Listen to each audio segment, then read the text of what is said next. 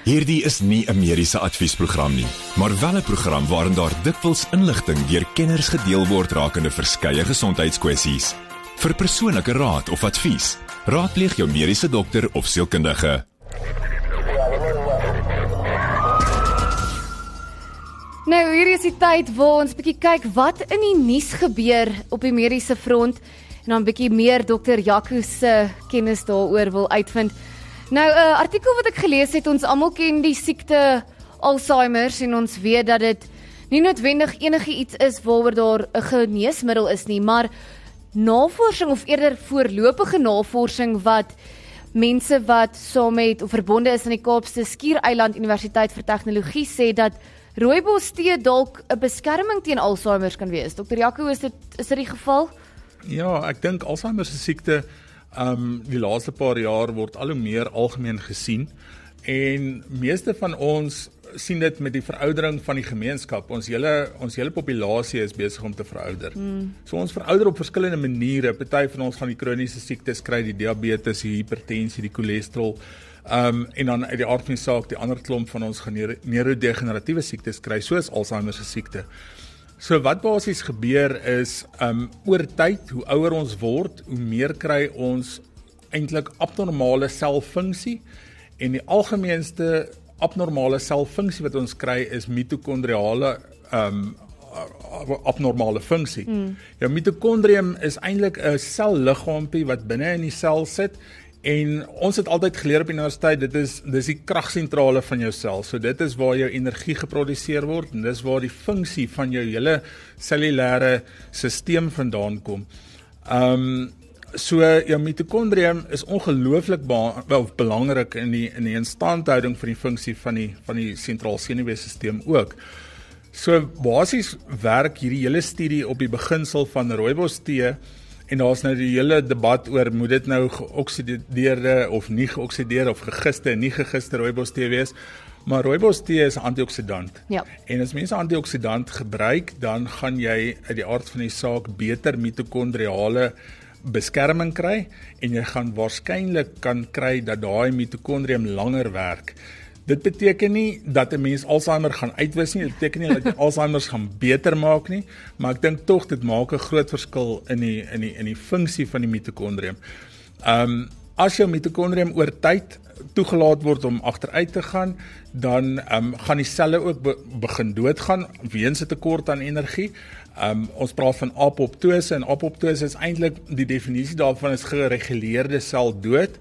En as jy um dan progressief gereguleerde sel dood het, dan sal jou Alzheimer se siekte net progressief vinniger wees. Ja. So ek dink dit is 'n dis 'n baie lekker en goeie studie en ek dink dit is 'n goedkoop manier om te probeer om die die as die die eintlik vorming en die en die en die progressie van van Alzheimer te voorkom.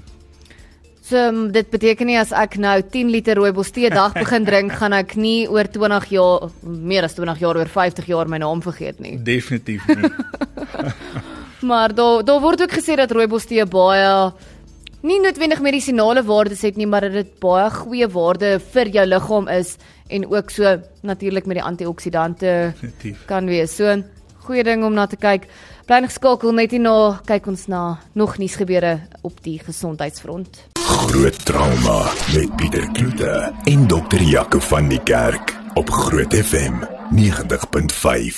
Op die gesondheidsgebied hierdie week en artikel wat ek dink nie net Gauteng maar ook Suid-Afrika geskok het vandag is die artikel wat vrygestel is oor 'n swanger vrou wat dood aangetref is in die hospitaal. Sy was 29 weke swanger gewees. Haar ma het haar hospitaal toe gebring. Um gesê dat sy bietjie vreemd opgetree het en dit toe aan die hand gekom het dat sy selfdood gepleeg het in die hospitaal. Ja, dis eintlik 'n baie hartseer storie. Um die 26-jarige vrou wat dan nou soos jy sê 7 maande swanger is en wat dan nou selfdood gepleeg het. Um die ma sê sy tekens van geestesongesteldheid getoon. Nou die vraag is is dit uh, depressie wat wat voor die swangerskap al daar was want ek sien ook later in die artikel skryf hulle oor ehm um, die feit dat sy van tevore twee miskrame gehad het. Ja. Ehm um, of is dit 'n peripartum depressie wat sy gekry het of psigose wat sy gekry het en of is dit 'n elektrolyt en hormonale wanbalans? 'n Simpel ding of 'n of 'n eenvoudige ding soos 'n natrium vlak wat te veel val of daal of te laag is, um, kan vir mense ook so delirium gee of de mekaar maak en gedisoriënteerd maak, selfs vir jou laat halusineer en um baie mense ek het alself die ervaring gehad van iemand wat hulle self in die brand gesteek het en al wat fout was is die natriumvlak was te laag. Ja. So die vraag altyd is um wat is die oorsaak van die geestesongesteldheid en hoe lank is dit al daar gewees? Ja. Um die sleg ding is as hy bekend is met geestes of geestestoestand of 'n geestesongesteldheid Um is dit baie sleg dat hulle nie al mooi opgepas het nie. En dis ja. deels hoekom ons ook in privaat praktyk in die hospitale nie almal kan opneem wat psigiatriese sorg benodig nie. Ja. So as jou hospitaal nie geregistreer is vir psigiatriese sorg nie, kan jy hulle nie opneem nie want jy moet daai pasiënte baie baie mooi oppas. Ja. Ehm um, anders gaan mens baie meer van hierdie stories hê. Ehm um, maar 'n mens wonder eintlik maar wat is die onderliggende oorsaak van hierdie ding? Dit is sleg dat ek ons weet almal die die die staatshospitale word half oorbevolk met pasiënte. Ja. En is onder ehm um, weet die, die staf is te min, maar ehm um, ek dink definitief ehm um, sy moes beter opgepas word veral omdat die geskiedenis gegee is dat sy ja. geestes ongesteld is. Ja, en ek dink ehm um, die polisie het nou gesê hulle gaan verder verdere ondersoeke instel daarop.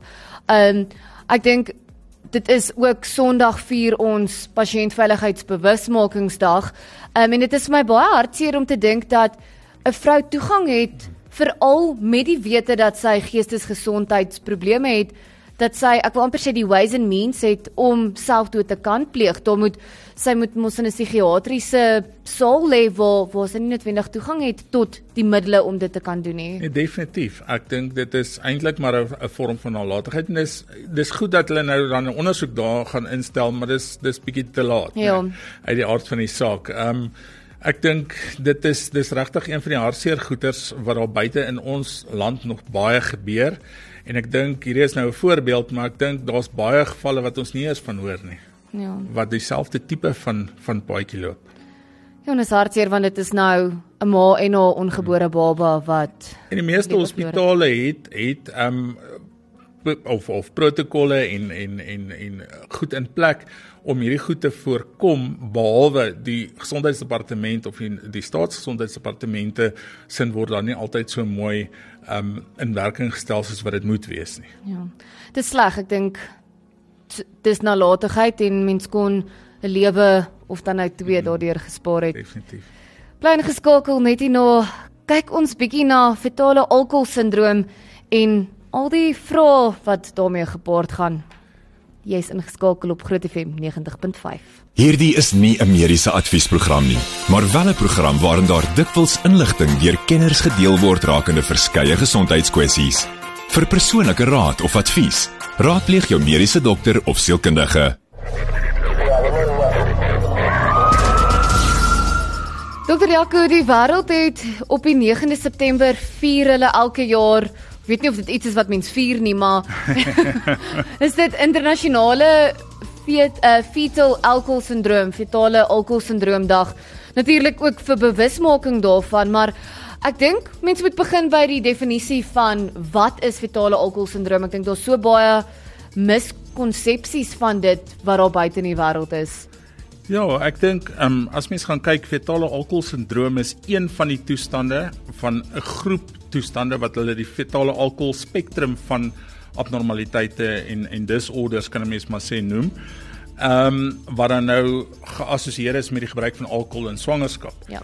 Ehm um, dis skrikwekkend om te sien as mens na die geskiedenis kyk dat in 1973 se die eerste keer goed gedefinieer Sure. So dit is nie so lank terug nie nee. en ons het nou net van die lig af gepraat so tussen 1960s en die 1980s is alkohol gebruik as 'n tokolitiese middel. So as vrouens in voortydse kraam of of premature kraam gaan het die dokters van die tyd um klein hoeveelhede alkohol voorgestel om die uterus te kalmeer. Ook die Braxton Hicks kontraksies, daai kontraksies wat die vrouens kry voordat hulle in aktiewe kraam ingaan. Ehm um, so dis eintlik skrikwekkend en en dis nooit eintlik geassosieer die abnormaliteite wat mense kry met alkohol nie tot dan in 1973 word dit goed gedefinieer is. Dis dis rarig eintlik nie so lank terug nie. Pro, Definitief. My ouers is gebore in daai tyd wat hulle alkohol gebruik het mm. om dit te stop en nie noodwendig met die wete dat dit baie erge skade aan aan die fetus kan doen. Ja, ek meen hulle het gedink dit werk want dit het die uterus ontspan. Ehm um, maar die die die hartseer is ehm um, etanol of of alkohol, etanol en en die die afbraakproduk asetaldehied word heeltemal deur die plasenta ehm um, deurgelaat so dat die plasenta keer dit eintlik glad nie. So daai baba ja. word aan hoë dosisse van etanol en asetaldehied die af, afbraakproduk ehm um, blootgestel en 'n babatjie of 'n fetus se se lewer werk nie soos ons in mm. wat dan nou die toksine goed kan hanteer nie en uit die aard van die saak het mense dan nou hierdie neuro um, abnormaliteite uh, jy weet wat wat dan nou voorkom. Ek dink die die alledaagse man op op op die straat weet van fetale alkohol sindroom, maar dokter het vroeër genoem dat daar verskillende tipes of eerder op 'n spektrum is watter is wat is die verskillende tipes van van die spektrum wat 'n mens kry? Ja, as jy mens gaan kyk na die tipes wat onder hierdie hele spektrum van sindrome is, is fetale alkohol sindroom uit die aard van die saak die algemeenste. Dan kry jy gedeeltelike al, uh, fetale alkohol sindroom wat dan ehm um, mense is wat jy dink blootgestel kon word aan alkohol, maar jy jy gaan uit die aard van die saak baie moeilike geskiedenis kry. Nou 'n vrou gaan nie na jou toe kom en erken dat sy alkohol in swangerskap gebruik het. Nee. So dis hierdie gedeeltelike fetale alkohol sindroom. Jy kan nie regtig bewys nie en sy die die die die ma van hierdie baba gaan dit ook nie beken nie. Ehm mm. um, en die hartseer saak is baie mense weet eers na 4 of 5 weke hulle swanger. Ja. En dan het jy reeds jou skade ge, gedoen want jou jou neurologiese ontwikkeling is die belangrikste in die eerste 8 weke van van swangerskap, maar die hele eerste trimester is ongelooflik belangrik in die in die neuroontwikkeling van 'n kind. Um wat dan die res van sy lewe saam met hom gaan. Dan kry jy net hierdie neuro um eintlik neurobehavioral is die mooi Engelse woord daarvan, um abnormaliteite en dan net hierdie alkoholverwante ehm um, geboortedefekte wat jy ook kry. Mm. Wat jy nie kan sê 'n volledige fetale alkoholsindroom is nie, want daar's nie noodwendig hierdie hierdie abnormale ehm um, siege nie, daar's nie hierdie hierdie ehm um, basies groeivertraging dalk nie, daar's dalk nie ehm um, leerprobleme nie, ja. maar daar's sekere ehm um, van die simptome en tekens van alkoholsindroom. Ehm um, en dit is juist wat ek nou vir dokter wil vra, wat is die tekens want omdat daar nie noodwendige manier is om 'n diagnose te maak nie, dit is baie moeilik om te toets. Wel nie baie moeilik nie, dis onmoontlik om te toets vir fetale alkoholsindroom en ehm um, wat is die tekens waarna kyk 'n dokter om dit te kan diagnoseer. Ja, aan die einde van die dag, um, ek dink enige dokter gaan begin met die geskiedenis en 'n goeie geskiedenis by die ma kry en ook 'n sosiale geskiedenis, maar soos ons nou gesê het, min mense gaan dit erken. Ja. Ehm um, so wat ons baie keer sien, ons kry groei inkorting, ehm um, lengte van die babatjie wat uh, minder is as die gemiddeld op die op die persentielkaart of die groeikaarte, lae geboortemassa kinders, so hierdie hierdie klein babatjies wat ehm um, lyk asof hulle swak voet ook en en en nie lekker groei nie dan is daar spesifieke gesigsabnormaliteite. So ons praat van 'n van 'n gladde filtrum. So as jy na jou bolop kyk, het jy hierdie hierdie duitjie in die middel van jou van jou bolop um net so onder jou neus. Nou meeste van die kinders wat fetale alkoholsindroom het, se bolop is glad. Um, hulle het glad nie daai filtrum nie. Hulle het ook 'n dun vermilion, so hulle hulle bolop is dunner as die gemiddeld. So as jy 'n fetale alkoholsindroom babatjie daar tussen die 10 ander babatjies sit, gaan sy bolopie baie baie in verhouding met sy onderlip baie klein wees. Dan gaan daar ook palpebrale versiere in die oog wees. So dit is lyk like amper soos ehm um, soos 'n down syndroom ehm um, tipe ja. van van van velvoue wat in die in die hoekies van die oë is. Ehm um, dis dis die algemeenste gesigsabnormaliteite jou sentraal senuweestelsel eh, goeters um, is maar die die ontwikkeling, die struktuur abnormaliteite van die brein. Jy kan um hidrokefalus kry of die waterkoppies soos wat die mense ook van praat. Ja. Um jy kan agenese kry van die brein of of um onderontwikkeling van die van die brein of polymicrogyria is die ander ander sindroom waar jy hierdie jou brein het mos hierdie hierdie voue en en en indentasies op die oppervlakte en daai is baie baie gladder as normaal. As jy dit op scan gaan kyk, dan ehm um, in die brein self is daar strukture wat nie goed ontwikkel nie. As jy in die eerste 8 weke van swangerskap um, met alkohol in aanraking kom as 'n fetus, dan kan jy agenese kry van jou corpus callosum, jou jy het cerebellare hypoplasie of onderontwikkeling van jou cerebrums. So jy het 'n totale globale neurologiese agteruit of jy begin eintlik agter neurologies. Ehm um, daar's 'n verhoogde insidensie van epilepsie by hierdie babatjies. So hulle kry erge erge epilepsie. Hulle fynmotoriese ehm um, uh, uh ontwikkeling is heeltemal agter. Um hulle oog-handkoördinasie is nie lekker nie. Hulle funksionering is nie goed nie. Hulle het leerabnormaliteite, hulle het impulsbeheerprobleme, hulle het sosiale interaksieprobleme, kommunikasieprobleme. Hulle uh, sukkel om hulle geheue en kognisie te ontwikkel. Um en en hulle aandag is ook heeltemal baie maklik afleibaar. En mense wil dit amper baie keer sê mense dink jou aandag afleibaarheid, hiperaktiwiteitssindroom tipe van kinders, maar en jy, dit word baie keer so gediagnoseer, maar mense ja. wonder hoeveel is nie fetale alkoholsindroom nie. En ek dink die die moeilike ding van dit is soos wat dokter ook vroeër genoem het is dat die ma's eers 4 tot 5 weke in die swangerskap in reeds of uitvind dat sy swanger is en moontlik in daai tydperk alkohol kon gebruik het. Mm. Ehm um, en toe ek nou 'n bietjie gaan oplees het en navorsing doen het daaroor, was een van die eerste vrae wat opgekom het, hoeveel alkohol moet ek drink vir my baba om met fetale alkoholsindroom gediagnoseer te word? Kyk, alkohol word gesien as 'n teratogene. Teratogene is abnormaliteite wat met swangerskap geassosieer word as jy enige middel inneem wat teratogenies is. So daar is geen veilige hoeveelheid alkohol wat dan ingeneem kan word nie. En dit is ook oneties om toetse te doen om te kyk wat is die ja. effek van sekere volumes alkohol. Deesdae, ehm um, as jy 'n uh, studie wil doen, moet jy eers deur die etiese komitee goedgekeur word mm. en daar sal geen etiese komitee wees wat sê hierdie maat drink 1 sopie, daai ma drink 6 sopies, daai ma drink 12 sopies, dan kyk ons wat gebeur met die baba nie. Jy weet so ja. dit is dit is dis eintlik half onmoontlik om te sê die dosis, maar ja. een eenmalige dosis in hoë genoeg volumes en hulle praat van 100 mg per desiliter bloed, dan ehm um, kan fetale alkoholsindroom ehm um, jy weet ontwikkel. Ja.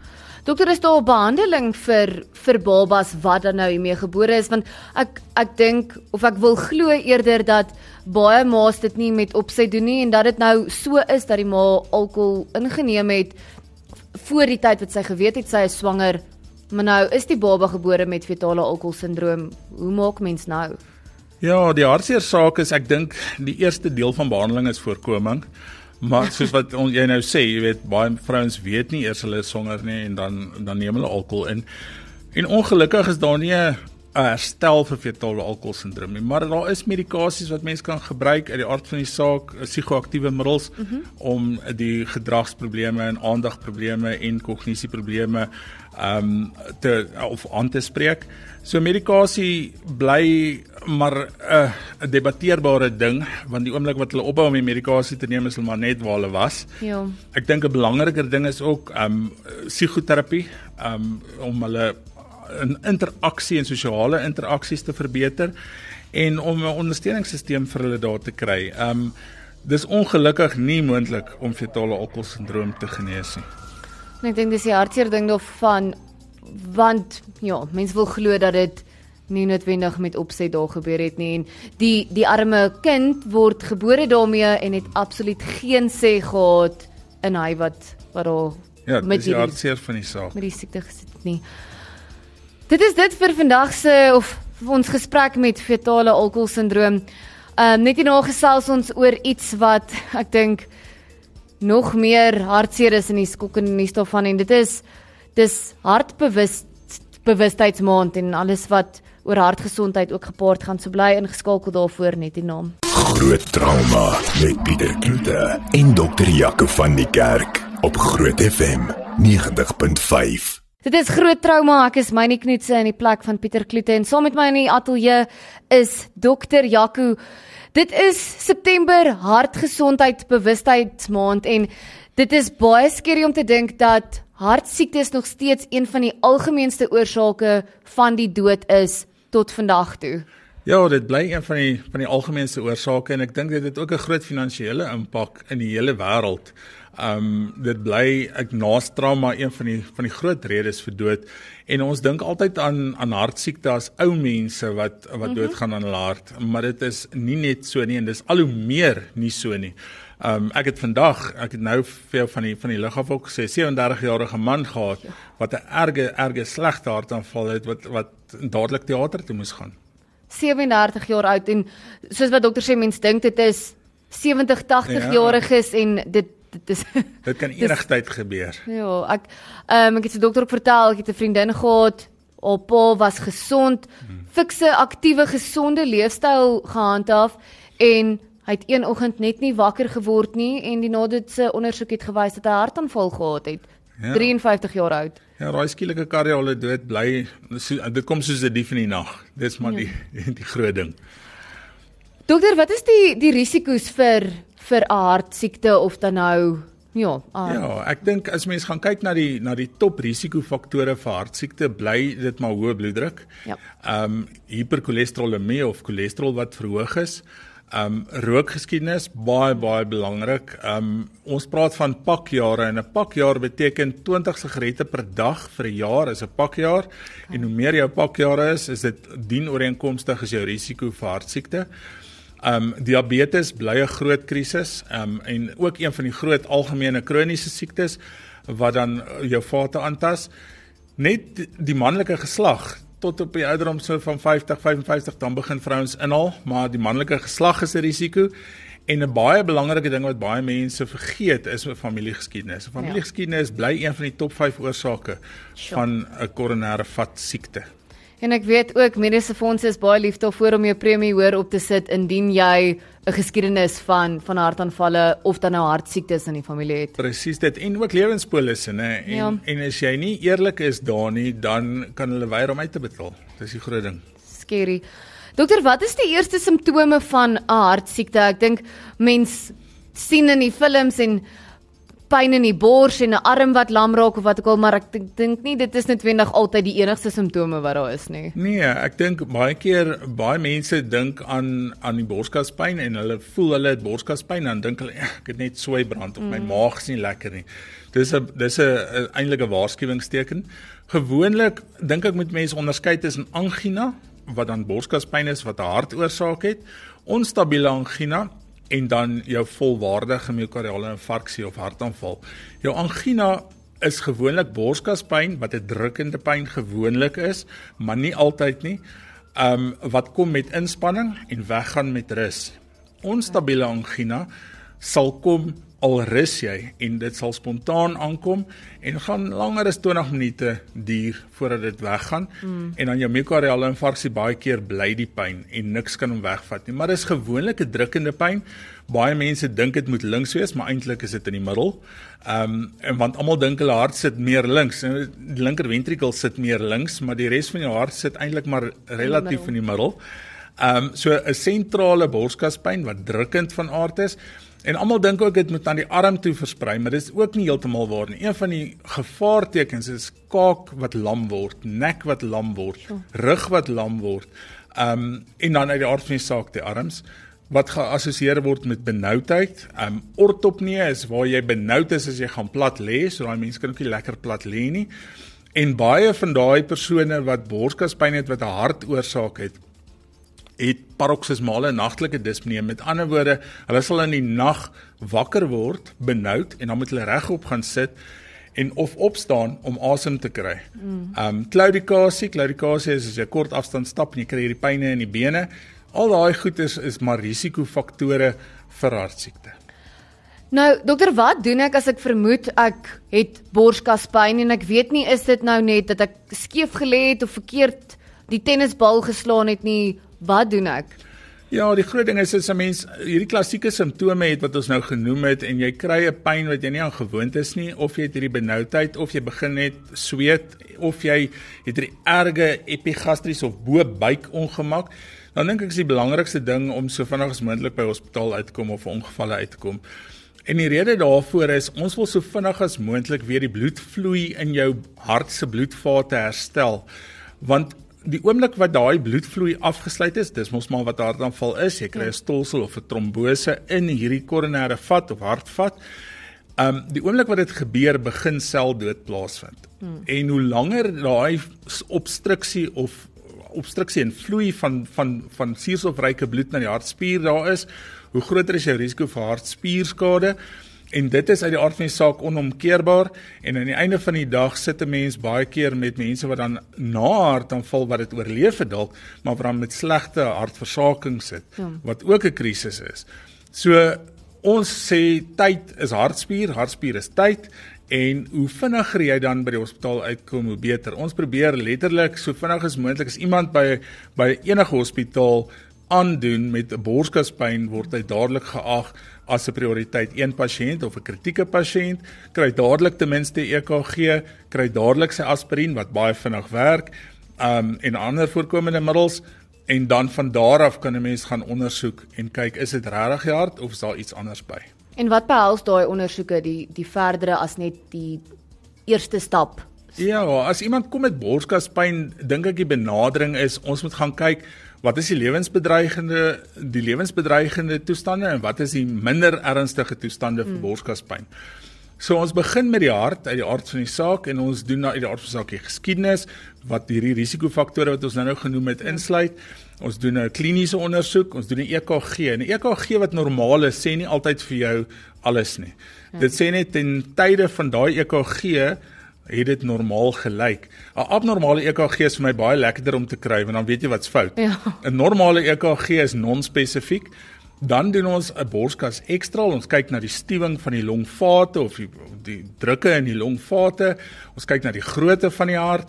Ons doen um bloedondersoeke. So die oomblik wat die hartspier nie goeie voedingsstowwe kry of suurstof kry nie en begin doodgaan, dan gaan hierdie selle dood en hierdie selle breek op en daar's twee ensieme. Ons praat van kreatienkinase en troponine, die twee hartensieme wat dan vrygestel word in die bloed en is baie meer sensitief as wat 'n EKG op sy eie is. So mense moet nooit ook die die wanpersepsie hê dat 'n EKG 100% is nie. Hmm. Ehm um, As jou eerste hartensiem bloedondersoeke normaal is, kan mens na 3 ure dit herhaal okay. want daar kan 'n verskil wees of 'n verandering wees en ons het nou nog sê um tyd is gelykstaande aan hartspierskade ja. en dit kan vir ons ook 'n aanduiding gee. En dan um as daai goed alles normaal is, dan gaan kyk ons na ander oorsake. Is dit jou longe? Is dit jou longvliese? Is dit die borskaswand? Het jy kostekondritis wat hierdie inflammasie is van die kraakbeen van die borskas? Um omhulsel. Um het jy swybrand regtig en 'n uh, maagseer kan ook presenteer met borskaspyn. Daar ja. was 'n groot studie gepubliseer in Amerika wat hulle gesê het 50% van mense wat aandoen by ongevalle met swybrand het eintlik 'n inferieur myokard infark gehad en die ander helfte het wel um uh, het wel maagseer gehad. So jy kan nie regtig onderskei net deur kliniese simptome te gee is dit 'n hartaanval of is dit net 'n maagseer nie, maar jy moet al hierdie goed gaan doen om te onderskei. En wat is die die opsies vir behandeling as dokter nou 'n pasiënt kry en daar word wel gesien hier is hartprobleme, hoe behandel ons dit? Dit hang baie af van in watter hospitaal jy is. Het jy 'n hospitaal wat 'n kardioloog op die perseel het mm -hmm. waar daar ook 'n cath lab of 'n kateter laboratorium is of teater is in die hospitaal? Indien jy nie in so 'n hospitaal is nie en dit gaan langer vat as 4 tot 6 ure om jou by so 'n fasiliteit te kry, dan doen ons trombolise, dis 'n middel middel wat ons spuit wat dan probeer om hierdie stolsel of hierdie obstruksie op te los. Dit is nie sonder risiko nie, want 'n mens het partykeer eenheid 100 ontrent het 'n katastrofiese breinbloedings ensovoorts wat dan ja. nou wat dan nou ook kan plaasvind wat dan nou uit die aard van die saak se eie probleme inhou. Maar dit is lewensreddend. Die ideaal is om so gou as moontlik in 'n kateterteater te kom waar 'n angiogram gedoen kan word, het sy deur die arm of deur die lies. En as daar dan 'n stenose of 'n obstruksie in hierdie vate um, gekry word, kan mens 'n stent plaas En as hierdie obstruksie op verskeie plekke is of op 'n plek waar stent nie geplaas kan word nie want glo dit of nie daar is sulke plekke in die in die, in die hartvat of hartvate dan kan mens oorgaan na omleiding. So ek dink die groot opsies is trombolise waarmee sulsel opgelos word, angiogram met stentplasing wat eintlik maar net 'n 'n oop druk is van hierdie vate en of 'n omleiding. Bly net geskakel want net hierna wil ek bietjie by dokter hoor tips oor raad eerder oor hoe om na die hart te kyk op 'n alledaagse basis. Bly net geskakel daarvoor net hierna. Dis 9 minute voor 9 jy's ingeskakel by Groot Trauma. Ek is Myne Knoetse in die plek van Pieter Kloete en saam met my in die ateljee natuurlik is dokter Jaco en ons is besig om te gesels oor dit is hartgesondheidsbewustheid maand in September en ons het vroeër gesê dat mense dink altyd as jy dink aan 'n hartsiekte dit is 70 80 jarige mense wat hartsiektes kry maar dit word al hoe meer en meer gesien dat dit nie die geval is nie. Dokter, wat is raad wat wat jy kan gee vir die luisteraars alledaagse basic raad wil ek amper sê wat ek kan volg om my hart gesond te hou? Man ek lag altyd want ek sê alles in medisyne wat kroniese siektes is, begin met 'n gesonde dieet en oefening en as ek na myself kyk dan kan ek nou nie sê dis 'n gesonde dieet en oefening nie. so, maar ja, ek dink die belangrikste ding is voorkoming um, in terme van 'n gesonde dieet en oefening. Maar as 'n mens andersins daarna gaan kyk, moet mens gaan kyk na die risiko's wat 'n mens kan beheer. Mens kan nou nie na die familiegeskiedenis kyk nie, maar rook kan mens beheer. Die sleg ding is hoë bloeddruk, cholesterol, diabetes is goed wat 'n mens nie altyd simptome gee nie. So 'n nee. mens moet gereeld op 'n op 'n gereelde basis ten minste een keer per jaar um, na jou geneesheer toe gaan Ehm um, en dat hulle toets. Want jy gaan nie weet jou glikose is effens bo die normaal en ewe skielik nou eh, as jy by jou hartaanval kom en sê hulle vir jou jy's baie gelukkig jy het hartaanval maar jy het diabetes ook nie. Of jy het hoë cholesterol ook nie. Of jou bloeddruk is hoog nie. En almal het nie simptome nie. Ja. Dis 'n klein persentasie van mense wat duiselig voel en hoofpyn kry ensovoorts van hoë bloeddruk cholesterol gewoonlik het geen simptome nie totdat jy 'n komplikasie kry. Hmm. So ek dink die belangrike ding is um, 'n um, gesonde lewenstyl uit die aard van die saak, oefening en dieet soos ek sê, maar ook om hierdie risikofaktore tot 'n groot mate te probeer beperk. Ja. Ehm um, en dokter as ek 'n familiegeskiedenis van hartprobleme het, wat stel dokter voor hoe gereeld check ek op op op my hart om te kyk of dit wel gesond is. Ek dink as mens geen simptome het nie, dan moet 'n mens ten minste een keer 'n jaar gaan. As jy 'n eerste linie familiegeskiedenis het, soos jou pa, ma, boetie, sussie, dan moet 'n mens ten minste twee keer 'n jaar dokter toe gaan as jy geen simptome het nie. Ja. As jy simptome het uit die aard van die saak, is dit 'n um, indikasie vir, vir vinniger. 'n Mite oor hartsiekte wat dokter dalk gou vir ons wil bast terwyl ons nou hiermee besig is. Ja, ek dink eh, ek dink ons het die mite nou al gesê, maar ek dink baie baie belangrike ding is daar's nie ouderdom gekoppel aan hartsiekte nie. Ja. Ehm um, jy kan as kind doodgaan van jou hart en daar's kinders wat doodgaan van skielike kardiale dood. Ehm um, weens verskeie redes, maar ook iskemiese hartsiekte. Almal dink ook cholesterol en hoë bloeddruk en en diabetes is dinge vir ouer mense en, ja. en en en middeljarige mense. Maar daar's kinders wat gebore word met hierdie risikofaktore en uit die aard van die saak begin hulle siekteproses op dag 1 van hulle lewe. So jong mense kry definitief ook koronêre vatsiekte.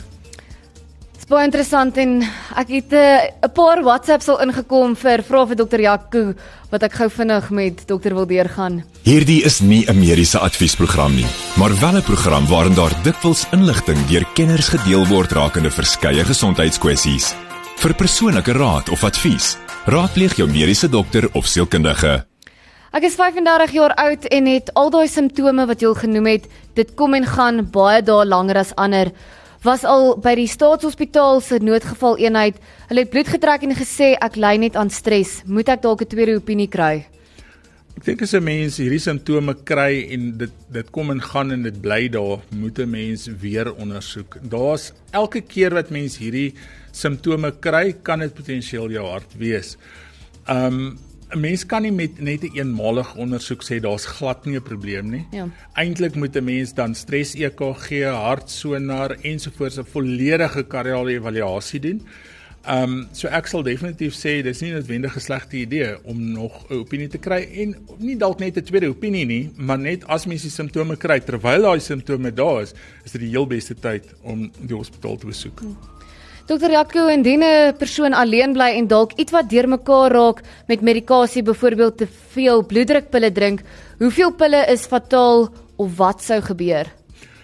Dis 'n dis 'n baie wye vraag. Ek dink ehm um, as jy byvoorbeeld bloeddrukpille gebruik en jy oordoseer jouself, hang dit af wat se klas van bloeddrukpil jy gebruik. Jou kalsiumkanaalblokkers is jou is jy um, een van jou van jou groepe bloeddrukpille wat jou bloedvate ontspan en oopmaak so 'n mens kan EKG abnormaliteite kry en dit dit wissel van mens tot mens wat is 'n fatale dosis. Ehm um, jou beta blokkers sal jou pols tempo afbring en uit die aard van die saak kan jy hartares kry met 'n oordosis van beta blokkers. Um, jou of jou eis en ARBs, jou eis inhibitors, daai klas van bloeddrukpille, um, gaan vir nier issues kan gee of nierprobleme kan gee, um, met dan uit die aard van die saak 'n baie lae bloeddruk. Maar mense moet onthou as jou bloeddruk te laag gaan, is jou sirkulasie in jou niere ook minder. Jou niere is een van die min organe wat se wat se bloeddruk presies dieselfde is as as jou stelsel se bloeddruk want jy jou jou renale arteries of jou jou groot bloedvate niere toe kom direk uit die aorta uit so die die bloeddruk in jou arm en jou aorta is min of meer die bloeddruk in jou nier. En as jou nier nie goeie bloedvoorsiening kry nie, dan sit jy aan die einde van die dag met nierversaking. So ek dink dis moeilik om sê hoeveel sal fataal wees, maar mense kan met ander sekondêre probleme sit sou jy oordosis van hierdie bloeddrukpille drink. Dink is maar veilig om om te hou by die dosis soos voorgeskryf word. Sit jou pilletjies vooruit in 'n boksietjie maandag tot sonderdag of wat ook al. Dit is ook nie net ou mense wat dit noodwendig nee. hoef te doen nie. Dis dit vir vanaand se groot trauma Dr. Jaco baie dankie weer eens vir die goeie insigte en goeie raad. Dit is altyd baie insiggewend om na dokter te luister. Skakel volgende week Woensdag tussen 8 en 9 weer in vir groot trauma net hier op Groot FM 90.5. Groot trauma met Pieter Kloete en dokter Jaco van die Kerk op Groot FM 90.5.